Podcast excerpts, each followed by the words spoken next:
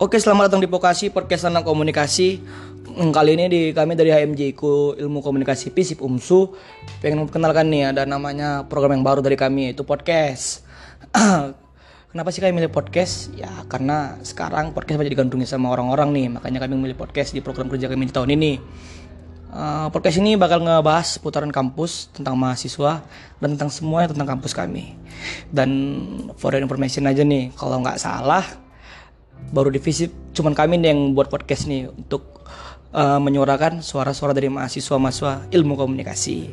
Untuk itu, untuk itu selamat datang di Podcast Anak Ilmu Komunikasi.